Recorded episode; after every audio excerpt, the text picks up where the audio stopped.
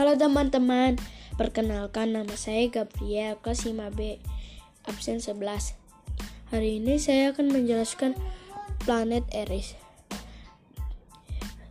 atau planet Katai.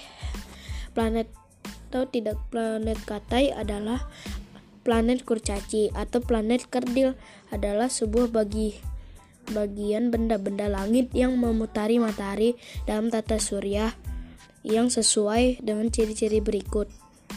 Nah, planet Eris adalah sebuah planet kata yang ditemukan pada hari Jumat 29 Juli 2005 oleh tiga astronom dari Amerika Serikat.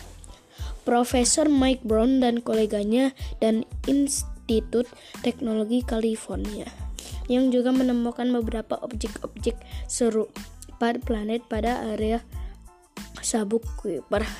Terima kasih.